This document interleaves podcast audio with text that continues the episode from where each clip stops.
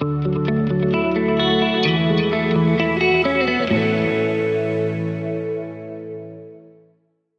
a todos! Hej allihopa! ¿Qué tal estáis? Hur är läget?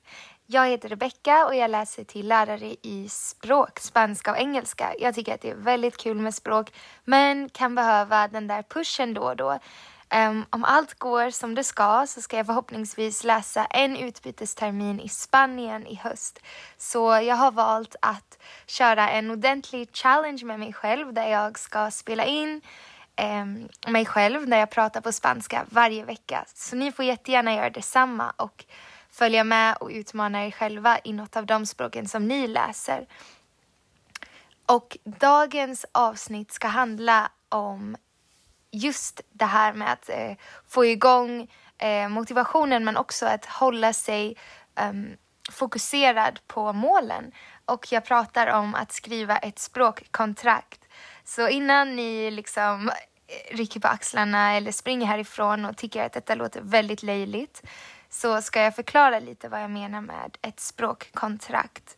Jag tror att det är väldigt vanligt när man läser ett språk eller man kanske vill börja med något nytt, att man blir otroligt taggad i början och man får massa visioner och man ser sig själv liksom prata flytande på någon härlig krog utomlands och du vet, man har perfekt eh, native accent och det går superbra. och, eh, ja, det kan ju vara vilken drömbild man har som helst men man går väldigt fort från inte så avancerat till väldigt avancerat i sin fantasivärld. Och jag tror att det är lätt att vara väldigt motiverad i början i första stadiet när man lär sig. Men sen kan man tappa bort sig lite. Man kanske inte vet riktigt vad man ska lägga krut på. Eh, vardagen kommer emellan. Eh, nu under sommaren så är det ju också många av oss som kanske arbetar eller vi eh, reser en del. Kanske vi åker runt eller vi fixa med sommarhuset. Ja, vad än det må vara. Men det är lätt att saker och ting kommer emellan och då tror jag att det kan vara en ganska smart grej att ha en liten plan faktiskt. Um, jag skulle absolut säga att när det kommer till att lära sig ett språk eller bli bättre så är att planera och att visualisera, ha en idé, ha lite mål, absolut otroligt givande och titta bara till exempel på språkskolor som exempel men även språkappar och egentligen många olika eh, aktiviteter, sportskolor och liknande. Jag tror de arbetar lite under samma idé och det är att man eh, har ett mål. Kanske är det att man ska kunna vara med i ett stor tävling, en kupp eller man kanske ska eh, kunna nå en viss eh, nivå på ett språk. Men eh, för att komma dit behöver man uppfylla vissa delmål och att då veta vad det är man ska göra och hur och var är eh, ja, verkligen bra. Så det ska vi prata om idag och jag tror att ett kontrakt kan hjälpa för detta. Och jag fick faktiskt skriva mitt egna språkkontrakt när jag läste till lärare i spanska. Min första riktiga termin kan man säga. Efter jag hade studerat min utbytestermin i Barcelona som var introduktionsterminen för spanska lärare så var vi tillbaka i Sverige och då bads vi att skriva ett kontrakt om varför vi studerade spanska. Vad var våra mål med spanskan och hur skulle vi nå dem? Och det var väldigt konkret. Det var inte bara att ah, jag vill bli duktig på spanska utan de bad oss verkligen ordagrant att skriva ner konkreta saker som jag vill kunna se på en dokumentär på spanska eller jag vill kunna ha ett långt samtal där jag kan prata bekvämt på språket och liknande. Och jag tänkte att det skulle vara roligt att dela med mig av vad jag skrev. För jag har faktiskt hittat det här kontraktet eh, på min iPad. Så jag ska dela med mig av vad jag skrev och lite hur det gick faktiskt att arbeta med ett sånt här språkkontrakt. Så, då ska vi se. Här har jag mina anteckningar från 2018 i januari. Första dagen faktiskt på universitetet. Och några av sakerna som jag skrev, några mål jag hade med min spanska var att titta på videos på Youtube, spanska filmer och olika sorters eh, innehåll eller content som var lite mer avancerat än vad jag var van vid. Något som utmanade mig själv. Och sen hade jag också skrivit att bara prata på spanska med mina klasskamrater även om vi var utanför klassrummet. Så att verkligen anstränga mig för att prata på spanska, spanska, spanska. En tredje punkt som jag hade skrivit var att försöka göra allting möjligt för att prata och eh, göra så mycket jag kunde på språket. Med vem som helst. Ja, det var ju en kul punkt. Um, men det tror jag faktiskt hjälpte mig och att inte vara så rädd för att um, begå misstag eller säga saker fel. Det var också en sak som jag ville jobba på, att vara lite mer avslappnad.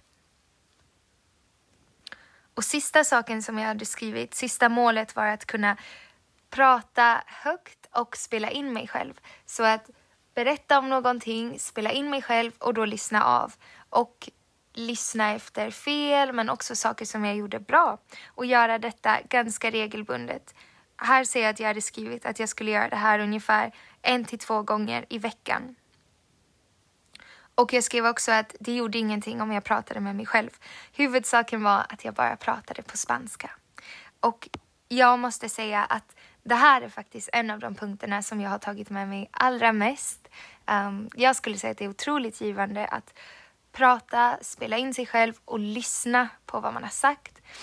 Och då är det lätt att bli medveten om några små fel man gör. Kanske kan man till och med be någon utomstående som kan språket eh, att lyssna och liksom kommentera vad det är man säger.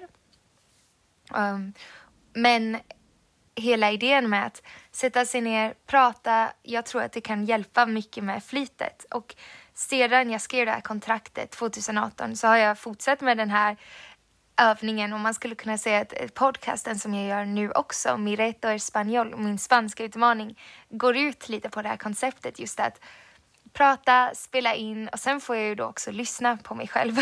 och det är ju klart att jag gör misstag ibland. Självklart kan det vara faktiskt lite pinsamt ibland, men jag tror att det är väldigt givande. Så där hade ni ett smakprov på mitt kontrakt. Nu har jag inte riktigt nämnt eh, mina varför jag gör det här.